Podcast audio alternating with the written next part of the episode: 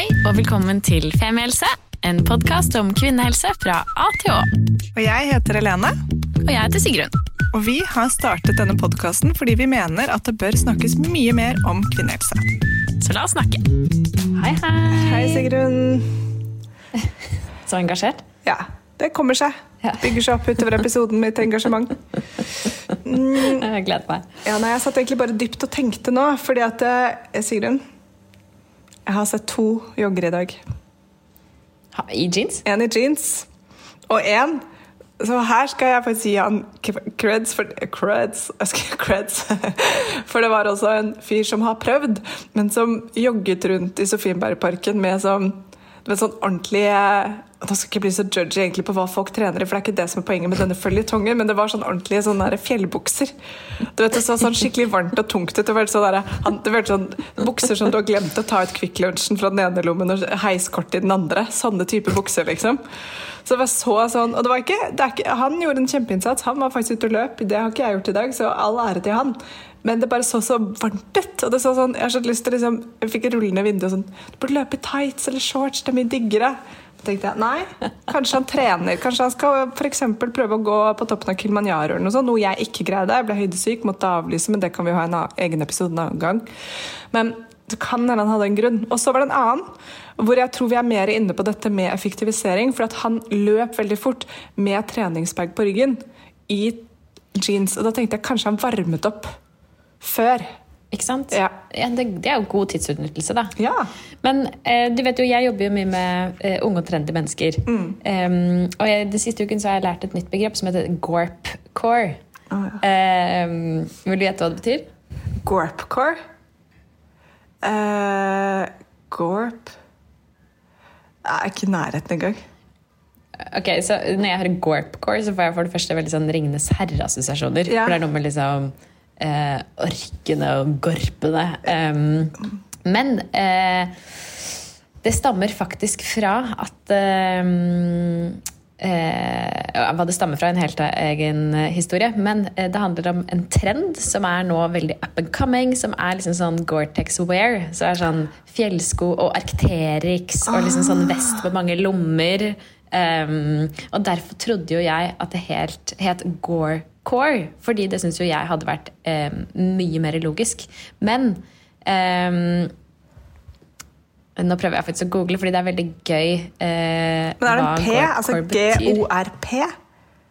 Ja, Det burde vært T. Altså Eh. Gore-Tex, mener jeg det. Gort-core. jeg er helt enig. Ja. nei, det er how- hiking and outdoors here. Jo, her, ja. GORP is an acronym for good old raisins and penis. Peanuts, ikke penises. Uh, som er the stuff eh, Som er selvfølgelig det man eh, spiser for å holde energien oppe på tur. Ok, Så det er Ja, veldig lættis. Det kan jo hende ikke sant? at alt dette egentlig springer ut fra denne nye trenden. GORP core. Nettopp! Så disse gutta som vi på en måte nå har undret oss over, med selvfølgelig et kjærlig og ikke dømmende blikk det siste halvåret, er nettopp bare rett og slett veldig langt oppe på trendkurven. Så langt forbi oss Ja. at eh, og til og med du ikke greide å liksom se at her er det. Men som er opptatt av den originale turblandingen, men også mote. Ja, nei, så Det er jo en teori vi kan spinne videre på. Men, men da er det sikkert to Jeg føler at det er to sånne grupperinger. Det ene er good old raisins uh, and peanuts, og så er den andre som er good old raisins and penis. Som er en helt annen gruppe igjen. Uh, litt mer sånn Berlin underground. Litt drøyere, men også hyggelig. Ja, helt klart. Ja. Eh, Og så er det nok en del i fedregenerasjonen som ufrivillig handler, havner inn under uh, Gorp Core-trenden. Altså, jeg vet i hvert fall Min far han går jo notorisk med tursko uh, og, sånn, og fjellbukse uh, når han skal til sentrum for å handle nøtter på kirkeristen. Sånn at det er um, Ja. Altså, jeg skal ikke, skal ikke utløpe for hardt, men jeg kan jo dele da en gladnyhet at jeg har akkurat blitt samboer. Og, Gratulerer. Takk. Og det er da med en også, en, eh, en Gorpcore-person. Som bevisst Gorp Core-person. eh, ja, ja nei, nei, ubevisst, ja, rett og slett. Under eh, Naturlig, kanskje mer. Altså han går inn i farsgenerasjonen, mener du? Ja, men jeg tror den farsgenerasjonen har et enormt spenn. fordi at eh, sant, nå er jo, eh, Jeg er jo eh, 22 år eldre enn deg, men jeg er jo 37, og jeg tror da liksom fra du bikker 30-ish for menn, så er det veldig lett, og kvinner, veldig lett å komme inn i Gorpcore. Jeg, Ja, penger på utstyr. i går, I går gikk jeg på Anton Sport, kjøpte eh, nye tursko og sånn hooka tursko, for at nå er jeg lei av å få vondt i hofta når jeg går på tur. Sånn at eh, det her er jeg Og en tur kan være ned til kirkeristen. absolutt for å kjøpe tørket Ja. mango. Ikke sant? Hmm, nei, men jeg synes dette var, eh, dette var på en måte god videreutvikling av denne føljetongen som vi holder på med. Um, jeg tenker Dette, er, snart Sigrun, dette betyr det så mye mer enn det vi trodde da vi først begynte å grave i dette. Jeg føler det er nesten litt sånn Erin Brockovich, at vi kommer til å komme ned til noe sånn derre At det liksom er sånn, Plutselig så banker det på døra, så står CIA der, eller noe sånt sånn Stop looking into this! Let people Ja, run in eller the jeans, sånn, don't eh, talk more about it. Need to look into this. Ja, Det kan det kan være. Mm. Jeg er spent. Det er mye større enn vi trodde, i Ja. hvert fall. Ikke sant? Ja. Det blir veldig spennende. Ja. Um, ok, så bra. Jeg kjenner at jeg kunne fort, fortsatt med dette lenge, men kanskje vi skal begynne å peile oss inn på dagens tema. Vi har jo tross alt en, eh, en gjest som, eh, som sitter her og venter. Um, for i dag så skal vi jo snakke om en tematikk som i hvert fall jeg og sikkert mange andre kjenner seg igjen i, som handler om uh, dette med samvittighet uh, i morsrollen. Um, og da er vi så heldige å ha med oss eh, Marte Telneset, som har skrevet en bok om nettopp mamma med god samvittighet.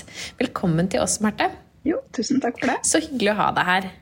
Kjenner du, først av alt, kjenner du deg litt igjen i Gorpcore-stil? Ja, det var litt morsomt at du satt der, for jeg satt liksom og tenkte, jeg har sittet lenge og vurdert om jeg skulle kjøpe meg Hoka-sko, jeg òg. Jeg er jo litt samme alderstrinn som deg, så eh, det var egentlig en litt fascinerende debatt det her. Gjør det. Nå vet vi også at vi da er rett på trendkurven. Ja, ikke sant? Det er litt deilig å ha det òg, med oss i bakgrunnen. ja, Og hvis det ikke passer for dere, får dere lett solgt det på Tice fordi det trender. nettopp. Ja, hashtag ikke sponset, bare en spøk. Um, men eh, Marte, kan ikke du begynne med å fortelle oss litt om deg selv? Eh, hvem er du? Eh, hvilken bakgrunn har du? Og begynn med det. Ja, jeg heter Marte. Jeg er 38 år, snart 39. Um, jeg er mamma til tre barn. Og så jobber jeg til daglig som psykolog i firmaet mitt Vekstpsykologtjeneste, hvor jeg tilbyr samtaler online og på kontor. Selger nettkurs. Så driver jeg også med en del kunnskapsformidling via da, Instagram og bloggen min, og et sånn ukentlig nyhetsbrev som jeg sender ut til følgerne mine. da. Og så er jeg også i gang med å debutere som forfatter. da. Yay! Hva er det du heter på Instagram hvis noen sitter nå og lytter på mobilen og vil søke deg opp? Ja, det er jo eh, psykolog Marte Telneset, så det er ikke sånn kjempeoppfinnsomt. Det, dette var like greit. Og jeg ser mange av de som går for veldig oppfinnsomme ting, de må ofte bytte litt etter hvert. ikke sant? For bytte litt stil og sånn. Men Fotballfrue, for eksempel. Ikke sant? Ja. Angret er nå Karoline Berger Eriksen. Gorpcore-psykologen, det varer jo bare så lenge, og ikke så langt engang. Ja, det er sant. Det, det enkle er ofte det beste, ikke det de sier. Jo, det er det de sier. Men eh, Marte, du har jo skrevet denne boken, eh, og vi skal jo snakke litt om tematikken i dag. Men kan ikke du først fortelle litt om bakgrunnen for hvorfor du følte at det var et behov for denne boken? Jeg tenker at det har vært en blanding mellom eh, en personlig historie og litt faglig. Eh, og også at jeg tenker at det er veldig samfunnsaktuelt i dag, da. Um, jeg ble jo mamma for første gang for 12 15 år siden og syntes eh, det var en kjempeovergang å bli mamma. Og hadde en del tanker og følelser jeg satt med som jeg sikkert burde ha lufta litt på et tidligere tidspunkt den gangen sjøl. Og da tenkte jeg, eller da slo tanken meg da, om at jeg en gang i tida skulle skrive en bok som kunne hjelpe mødre i denne sårbare fasen. Og så har jo det vært en tanke som bare har ligget der litt sånn i, i bakgrunnen eh, i mange mange år. Man har det jo litt travelt i småbarnsfasen og skal få hverdagen til å gå, ut, gå rundt i seg sjøl. Og så har jeg fått litt fag, faglig påfyll etter hvert og blitt mer og mer interessert i det her med stress, stressmestring og også denne effekten hverdagsstresset kan ha for oss. da, Og kanskje spesielt for eh, mange mødre. Så da det, etter hvert så ble det her liksom samla til ønsket om å skrive ei bok eh, om eh, mammastresset der, rett og slett. Hvor kommer det fra, hvorfor blir vi så stressa, og hva kan vi gjøre med det. Og så tenker jeg at det er et veldig samfunnsaktuelt tema i dag, da. Ja, kjempespennende. Og du, boken heter jo 'Mamma med god samvittighet'. Er det, har kvinner mer dårlig samvittighet enn menn? Ja, jeg tenker det. Altså, Dårlig samvittighet er jo en av våre grunnleggende følelser. Altså, det er jo eh, Som vi skal ha når vi har gjort urett mot andre mennesker, f.eks. Og vi trenger å rydde opp i relasjonen med andre. Så det er jo en følelse eh, som både kvinner og menn har. Men erfaringa mi er at den, den dårlige samvittigheten eh, i stor grad er et kvinnefenomen. at den eh, Fødselslege Gro Nylander sa jo den gang at når du føder et barn, så føder du dårlig samvittighet. Eh, og det er jo kanskje litt min erfaring både som mamma sjøl og også blant de kvinnene jeg snakker med. da. At, eh, at, denne følelsen har en tendens til å snike seg litt inn i større grad når vi blir, eh, når vi blir mamma. Mm. Det er jo liksom Fordi jeg øh, kjenner veldig få mødre uten dårlig samvittighet. Og, og, de, og, så er det liksom litt varierende grad, kanskje, hvor mye de snakker om det, og hvor tydelig det syns. Mm. Men det er liksom som at Uh, og vi kommer litt tilbake til det, men det er sånn refleksjon som at den, når man føder dårlig samvittighet, så er det sånn Hva er, hva er poenget? Altså, skjønner, sånn, jeg skjønner liksom sånn Man skal passe på at barna overlever og har det bra, og at man liksom gjør sitt ytterste. Men det er som at liksom, volumknappen blir så, blir så skrudd opp, da. Uh, men vi kommer litt tilbake til det. Men jeg bare, da jeg leste uh, gjennom boka di, og tenkte jeg bare sånn det er, det er, superinteressant at det ligger så latent og at det er så gjennomgående. Og så vil jeg alltid understreke når vi lager femihelse-episoder, det sitter sikkert noen der ute som ikke kjenner seg igjen. Som ikke kjenner på den dårlige samvittigheten, og hvor ting liksom ikke er sånn, og hvor kanskje mannen er den som har dårlig samvittighet, eller partner har dårlig samvittighet på en annen måte enn deg.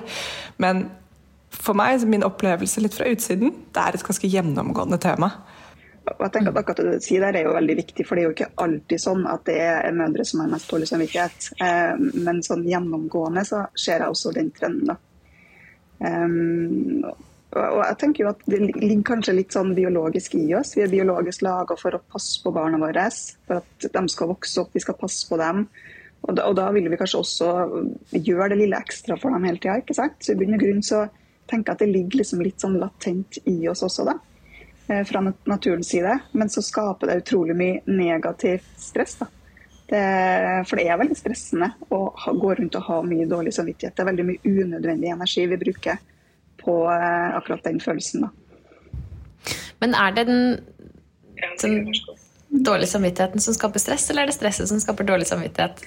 Jeg tenker at det er begge deler. Eh, jeg tenker at Det å ha for mye å gjøre, det å føle at vi ikke strekker helt til, eller det å være stressa, det kan skape mye dårlig samvittighet. Og så er også dårlig samvittighet en kilde til mye indre stress, pga. at det også fått sette i gang mye av de sjølkritiske tankene. De skulle, burde, må-tankene i oss.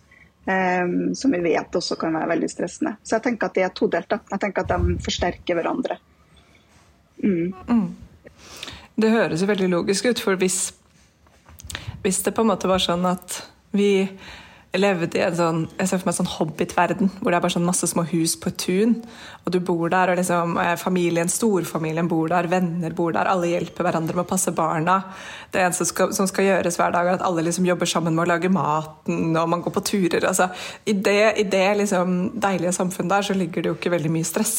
Eh, og da er det kanskje ikke heller sånn en da har man jo rom til å takle den, de, de, tingene som eh, vekker dårlig samvittighet. Um, men da, da, tenker jeg liksom litt at vi lever jo i det samfunnet vi gjør. Vi lever jo ikke, dessverre, de aller fleste av oss på dette hobbytunet hvor ting bare flyter og alle hjelper alle og det er god stemning. Hvordan kan man, hva er det man kan, Har vi for høye forventninger til oss selv som mødre? Det, ligger den der, eller er det eller funker det ikke så godt i dagens samfunn å være mor og ikke være stressa og ikke ha dårlig samvittighet? Jeg tenker jo at I utgangspunktet så er vi i et litt sånn høystressende samfunn hvor det er, det er jo mye ytre krav og forventninger til også.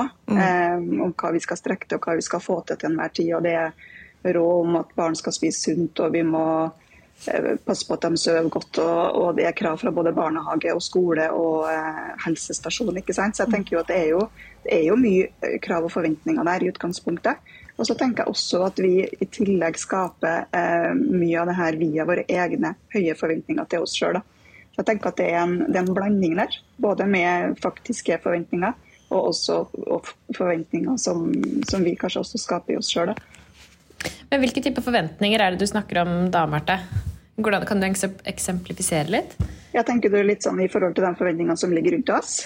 Mm. Jeg tenker jo at vi har jo, altså det er jo, jeg tenker jo i forhold til um, barnehage og skole. ikke sant? Skole det er jo forventning om at vi skal Altså det skal jo gjøres lekser, det er forventning om at, uh, er, altså at man skal ha på plass ting i forhold til regntøy og støvler eh, i riktig tid. Det er foreldremøte vi gjerne skal gå på. Eh, det er en forventning om at barnet følger vektkurgen sin. ikke sant? Eh, vi skal gjerne prøve å få til amminga. Altså det, det, som på en måte det er, det er mange ting som vi egentlig skal, skal må få til å gjøre da, i, en, i en travel hverdag. ikke sant? Mm. Eh, og så, vi, altså, så, hører vi også ofte en del råd også, i forhold til det der, få barnet til å spise eh, masse grønnsaker. Eh, det er viktig at barnet sover.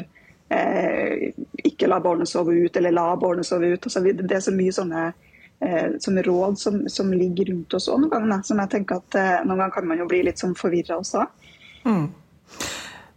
Ja, og det, Vi kan gjerne komme litt tilbake til for der ligger det ganske mye, syns jeg. Men hvis vi bare spoler eh, litt tilbake fordi eh, jeg synes, eh, I boken din så snakker du også om hva stress er.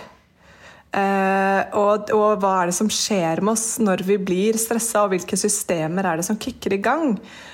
Hvis du har lyst til å bare kanskje liksom dra oss gjennom litt hva er egentlig stress, og hva er forskjellen på indre og ytre stress? da? Jeg tenker at jeg liker å se på stress egentlig som en gasspedal da, som, vi har, som, vi, som vi trenger å trykke inn når vi trenger å mobilisere, få futtet til å komme oss gjennom en travel hverdag. Eh, også til å forsvare oss sjøl eller å komme oss bort fra farer, f.eks. Eh, det er jo kanskje, mer, kanskje ikke så relevant lenger nå som det var eh, litt tilbake i tid. da. Eh, så Stress er på en måte denne gasspedalen i kroppen som skal hjelpe oss å mobilisere energi rett og slett når vi trenger det.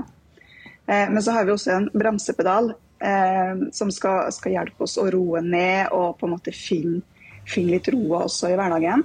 Og i en perfekt hverdag så veksler vi. ikke sant? Vi mobiliserer, og så slapper vi av. Det gjorde vi i større grad vi, den gangen vi bodde i hula. Mannen var ute på jakt, vi kvinner passa barna. Eh, var litt på vakt for farer der, og så, og så roa vi ned rundt leirbålet på, på kvelden. ikke sant? Eh, så jeg tenker at den, denne switchinga mellom å mobilisere og det å demobilisere og slappe av, det er kjempeviktig. Men som jeg tenker kanskje er litt mer fraværende i dagens samfunn. Da.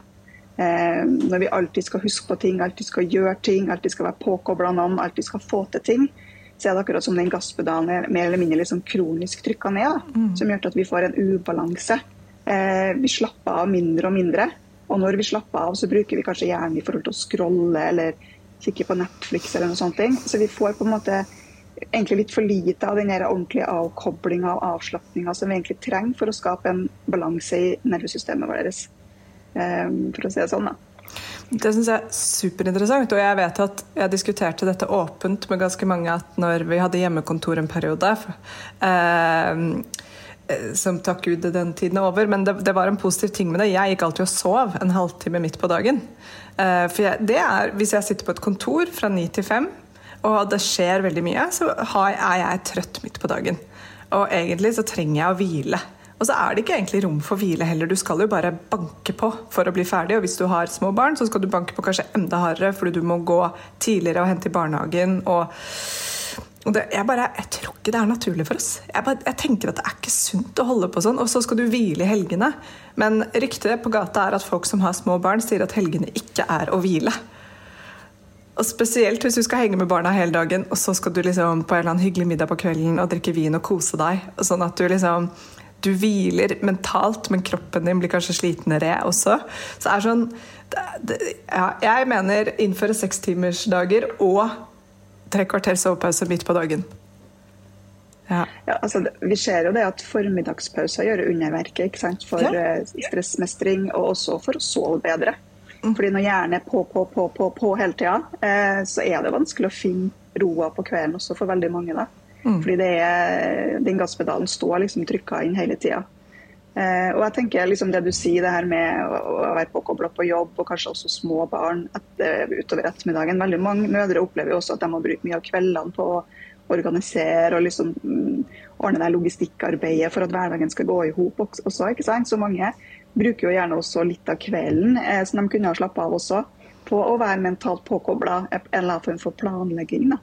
Så, så jeg tror at vi er i underskudd på den demobiliseringa og liksom den ordentlige roen, da, uten at det er så mye stimuli til oss hele tida.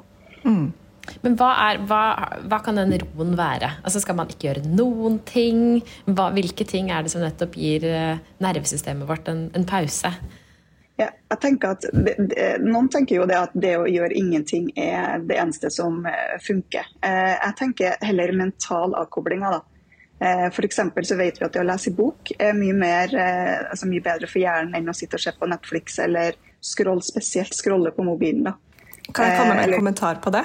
Fordi Det er nettopp, eh, det er også superinteressant, fordi jeg elsker egentlig å lese, men når jeg er litt stressa, så er det vanskeligere for meg å lese bøker, nettopp fordi jeg er, jeg er for påkoblet. Det går for sakte, ikke sant? eller er, jeg er for stressa til å roe ned. Og Det er egentlig et sånt der, veldig typisk faresignal for meg. Når jeg ikke greier å lese bøker, da er det da jeg skal egentlig lese bøker og bare kaste telefonen og knuse TV-en samtidig.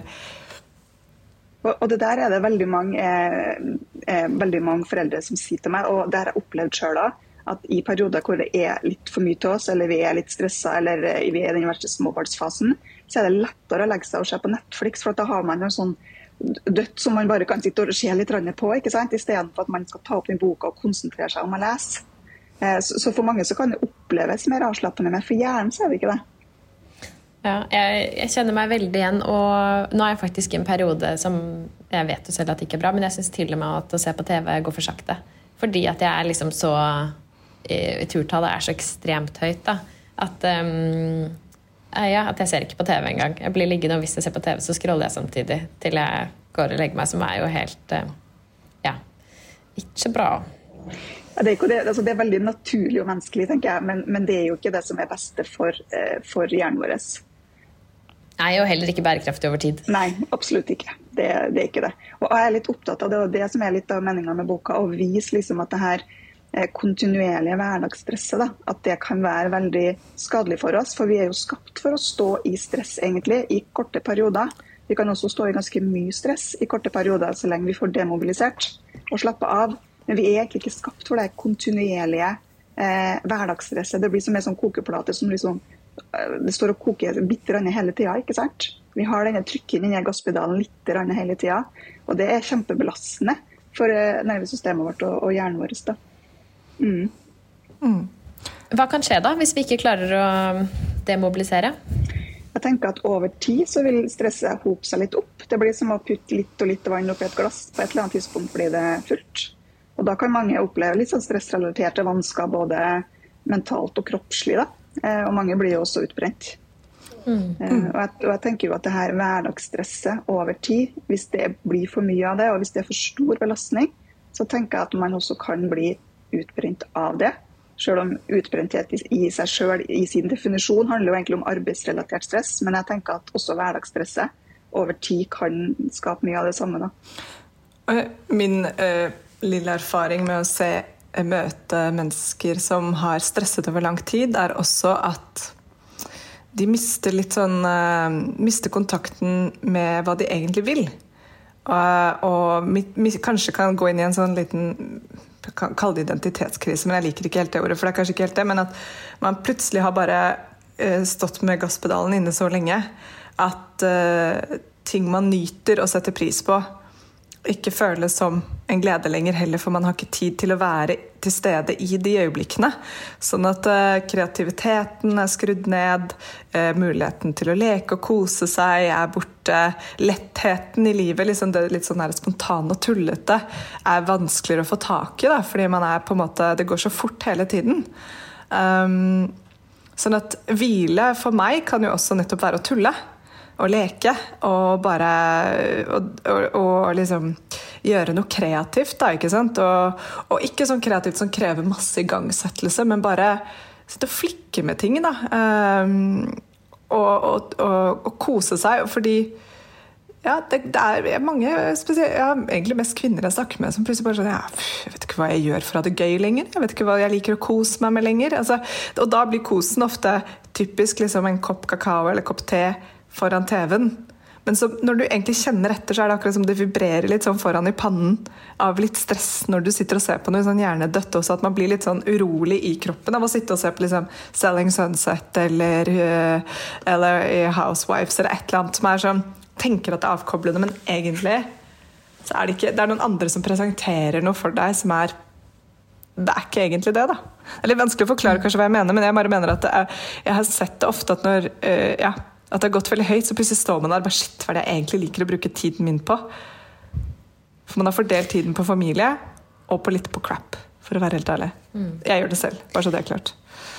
Ja, det tenker jeg at vi alle sammen gjør. Men, mm. men, men jeg tror at, at akkurat det der, det er ofte det som skjer. da, at når vi er for stressa, så slutter vi kanskje å gjøre mange av de tingene som også ville vært litt sånn stressdempende for oss. ikke sant? De mm. tingene som er bra for oss. Og også fordi at mange syns at det kanskje blir enda en oppgave å gjøre, fordi man ikke har tid til det eller ikke har overskudd til det. ikke sant? Eh, men hvis man skal liksom snu en sånn negativ stressspiral, så trenger man også å gjøre mindre av de her ting som eh, lukter krav. da. Ikke ting man må gjøre, men altså gjøre mer av dem her som man før, tidligere, har lystbetont for den. ikke sant? Som kanskje var det her med ofte gode relasjoner, eller gå seg en tur i skogen, eller, eller, eller å, å, flire masse. ikke sant? Være sammen med noen som får deg til å flire. Jeg tenker at det er litt den, den lekenheten du beskriver, det tenker jeg er kjempeviktig. Mm. For da roer vi litt ned og er litt i sånn flytsone, istedenfor at vi, vi, bare stresser eller er et skritt videre mentalt på hvor, hva må vi gjøre etterpå. Mm. Men, men, det er en sirkel som mange, mange, mange mødre kommer, altså mange både kvinner og menn, men veldig ofte mødre kommer inn i. det at sine egne behov blir liksom dytta litt lenger og lenger ned på prioriteringslista, og så øker stresset. Ja, og Det er jo litt det som Sigrun var inne på i sted, dette med um, eller som vi var inne på i sted, også dette med, med, den organisatoriske jobben man gjør etter jobb. Eller etter når barna har lagt seg, og det er det man kaller liksom det tredje skiftet. At man er på en måte uh, prosjektleder i AS-familien. da. Um, og som i boken hadde du noen veldig sånn fine og konkrete tips, men kan ikke du fortelle litt om dette tredje skiftet og hva det er? For det, jeg skjønte det faktisk første gang ordentlig da jeg leste boken. Ja, altså det, de her tre arbeidsskiftene er jo en beskrivelse egentlig på, på arbeidsfordeling og hvordan man gjør arbeidsoppgavene hjemme. Mm. Og Hvis man da ser på det første arbeidsskiftet, det er jo det lønna arbeidet vårt. ikke sant? Og så har man det andre arbeidsskiftet, som er mer de her konkrete oppgavene Eh, relatert til det å ha familie, som å hente og bringe på trening, lage mat, kjøpe inn matvarer, eh, legge ungene. ikke sant? Sånne typiske konkrete arbeidsoppgaver. Og så I tillegg da, så, så, har man også på en måte mye mer av det her eh, organisatoriske rundt en travel hverdag. Altså det er på en måte, Selv om vi har kommet langt i forhold til arbeidsfordelinga på arbeidsskift 1 og 2, så er det fortsatt kvinner som i størst grad er logistikksjefen hjemme som passer på at alle de her trådene på en måte eh, henger sammen, at, og at hverdagen glir. da. Og Det er jo litt sånn, bare sånn konkret eksempel. ikke sant? Og eh, Vi har f.eks. Eh, dattera mi skal på en barnebursdag på søndag. Da, da, må vi på en måte vite at den bursdagsgaven den må vi kjøpe til det barnet eh, før søndag. ikke sant? Da kan ikke man stå der på søndag og tenke oh shit, vi har ikke noe gave å gi. Eh, så, så, og det handler, det handler, ofte litt om det her tredje skiftet, som vi ser at det er ofte mødre som gjør. da. Det å være litt i forkant. Se at ok, men nå, er det, nå begynner det å bli høst, vi må kjøpe de sherrocksene, sjekke om det er noe tilbud på dem. Eh, vi må passe på at timeplanene går i hop. Eh, vi må på en måte passe på at alle foreldremøtene er inne i kalenderen vår. Altså det å holde liksom trådene samla, det å være litt den logistikksjefen, det er det fortsatt kvinner i størst mulig grad som gjør. da. Det er ikke alltid sånn. Ehm, det er viktig å påpeke at noen familier har det motsatt, og noen familier er ganske jevn på det der. Men i store og hele så er det fortsatt mødre som har hovedansvaret for det tredje skiftet. Og det skaper eh, gjerne mødre som er mer eller mindre alltid påkobla mentalt. da. Det er alltid et eller annet som skal huskes eller gjøres eller eh, må fikses eller organiseres. ikke sant? Mm. Og Det er jo min favorittsetning som jeg har nevnt noen ganger i denne podkasten. Hvor det var en eh, jeg husker ikke, jeg må finne ut hvem det var som sa det, for jeg siterer det så ofte, men som snakket om likestilling i familien er når begge eh, i parforholdet vet hvilken eh, skostørrelse barna bruker. Og det, det sier sånn, det, sånn her, jo, det sier egentlig så mye, for det er nettopp det du sier med å ligge i forkant. da, Og vite at ja, nå er det høstskitt, og barna bruker liksom den og den skostørrelsen. Og det funker ikke med de skjæroksene fra i fjor og ligge foran i den organisatoriske planleggingen. og um, Der syns jeg du hadde også et veldig godt tips da, til, til liksom konkret hvordan man kan uh, løse det. Uh, prøve å løse det. Um, kan ikke du fortelle litt, bare liksom, litt om det? Jeg tenker jo, Først og fremst så tror jeg det er viktig å anerkjenne det tredje skiftet som konkrete arbeidsoppgaver som man faktisk må gjøre, og hva det, eh, hva det krever. da. Mm. For at Veldig ofte så glemmer man litt av det her når man skal liksom eh, vurdere litt hvem gjør hva i, i en travel hverdag. ikke sant? Så det er noe med å anerkjenne som at det her er arbeidsoppgaver som faktisk er veldig, kan være veldig krevende. Eh, og så eh, tenker jeg at man må ha en, prøve å skape en dialog rundt dette her. Eh, og for noen familier så fungerer det eh, best å ha konkrete arbeidsoppgaver. Litt sånn type at ok, den fritidsaktiviteten er ditt ansvar. Da tar du deg av organisering rundt den og laster ned den appen som tilhører det. Og så tar jeg den andre, f.eks. Mm. Altså at man har konkrete arbeidsoppgaver knytta til det her. Mm. Det er ikke at det er det beste for alle, men for noen så er det en måte å på en måte slippe ansvaret ordentlig mm. eh, på det ene området. For nå, nå, nå, sjekker ikke jeg deg på det, ikke sant? Nå, nå er det bare du. Nå, står du for det her alene, og så står jeg for det mm. Og Der er du jo inne på en sånn ting som er omdiskutert, da, men nettopp det der med å slippe partner til. ikke sant? Og det er noen som mener at det er en stor del av problemet, er at uh, at man kanskje ikke alltid slipper til. At man ikke liksom stoler på at den andre tar det ansvaret. Så er det en annen side som mener at det er bare tull, men at det liksom ligger på at uh, det ikke forventes at den andre parten skal ta det ansvaret. At det er liksom sånn hvem er det som egentlig er høna eller egget-problematikk. Men, men, akkurat den løsningen der eh, er jo ganske interessant, fordi den vil jo i hvert fall avsløre ganske fort om det funker eller ikke. Fordi da vil det være sånn Å nei, har ikke, har ikke ren fotballdrakt, eller ble ikke levert på trening, eller hadde ikke mat før trening, så var helt utsultet. Det er sånn ting som krever den logistiske planleggingen med å ta, liksom, vaske drakten hengende opp dagen før, ta med noen bananer, eh, følge opp, dra tidligere. Det, det, det, vil eh, ja, så det, det er, Jeg syns det var liksom et sånn, eh, fint og konkret tips, uten at jeg har vært i nærheten av å prøve noe sånt i praksis. Men det gjør det jo ganske tydelig. Mm. Så ja. Nei, det, det, her er så interessant, ass. Og det er så mange som er dritslitne. Uh, så det er liksom Ja. Og Det som er litt sånn interessant også nå da, etter pandemien, er at det er gjort en del undersøkelser på det her med opplevd stress og slitasje og eh, livskvalitet generelt. Og det, jo, og det, er jo, kvinner, og spesielt mødre, som kommer dårligst ut på det her. For det viser seg jo at i enda større grad under pandemien er det kvinner som har trådt til å ha hovedansvaret med det her med hjemme, hjemmeskole og få det logistikkarbeidet til å gå i hop. Um, så det har jo på en måte så Det er også mødre som er taperen også under pandemien i forhold til det her med, med stress og utslitthet og, eh, og bekymringer og, og um, ja, redusert livskvalitet, rett og slett. Mm. Så, det, så, det, er jo et interessant tema. Men, men, jeg tenker at det er viktig at man ikke bare skal stå med en sånn pekefinger mot alle menn. Det tenker jeg er kjempeviktig. Eh, men man heller på en måte, som jeg sier, prøve å anerkjenne det her som det her er arbeidsoppgaver som vi faktisk har, og prøve å finne løsninger på det mm. istedenfor. Eh, det tenker jeg er en mye bedre vei å gå. da. Mm. Ja, og ikke minst, en ting er arbeidsoppgavene, men også være bevisst på hvordan man selv har det, og ha respekt for det. på en måte, og Kjenne på stressnivå, kjenne på samvittighet, kjenne på totalbelastning. Og, og også ta ansvar for å hvert fall se hva man kan gjøre for å få det bedre. Men um, hvis vi går litt tilbake til samvittighet, da var liksom kjernen i, i bokens tittel um, Kanskje du har lyst til å begynne å oppsummere med noen tips til mødre der ute nettopp for å få bedre samvittighet? Jeg tenker jo at Generelt da, så tror jeg nok at det kan være litt viktig å, å prøve å jobbe med å senke litt det indre stresset. Eh, og når jeg sier det indre stresset, så snakker jeg både om bekymring og sammenligning og dårlig samvittighet. og den konstante vurderinga om vi er gode nok, f.eks. Um, så, så dårlig samvittighet er jo kanskje én av kildene i det indre stresset. Um, men at vi kanskje må ta oss og jobbe litt og bli bevisstgjort hvor mye vi har av det her i hverdagen generelt. da. Men hvis vi tenker generelt i forhold til dårlig samvittighet, så, uh, så, så tenker jeg det her med å lære seg til å ta litt vare på seg sjøl og tenke på det kanskje som et ansvar vi har, og ikke bare et gode som vi kan velge å bruke.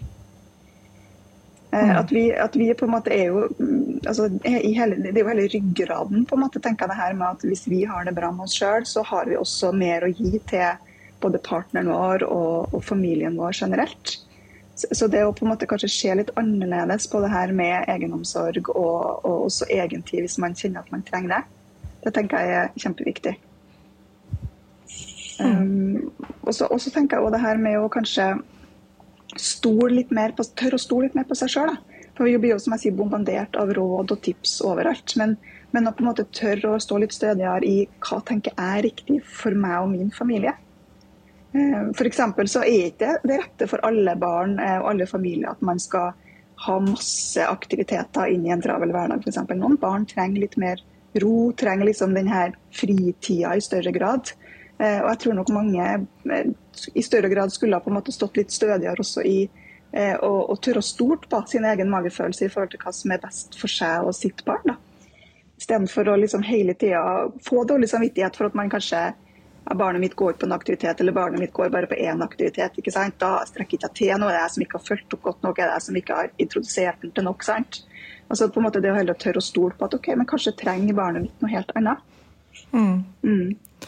Ja, og det er jo en sånn jeg vet for Når jeg tenker tilbake på alle de aktivitetene jeg gikk på, herregud, så mye bortkastet tid. Altså, håndball her og basket der og fotball der. og så for å si Det sånn, det er ikke noe karrierevei, noe av det der for meg. og Det var ikke som at jeg måtte på det. Og mye av det var egentlig bare litt traumatiserende, fordi jeg var så dårlig i alt. Men det var jo hyggelig at mamma og pappa liksom gir, gir en innsats og prøver å få meg med på det, liksom. Men jeg tror sikkert... Du hadde jo forhåpentligvis eh, lyst til utgangspunktet til å prøve? Jeg hadde lyst til å prøve alt, men jeg hadde ikke lyst til å prøve det mer enn et par uker. Jeg ville at alt utstyret skulle kjøpes inn, og at vi skulle komme i gang. Og så syns jeg egentlig at jeg hadde mer lyst til bare å være hjemme og slappe av. Um, det tok noen år før du fant ut av det? da? Ja, ja, At det var avslapning som var din prefererte gren? ja, Avslapning, hvile er min prefererte gren, faktisk. Mm.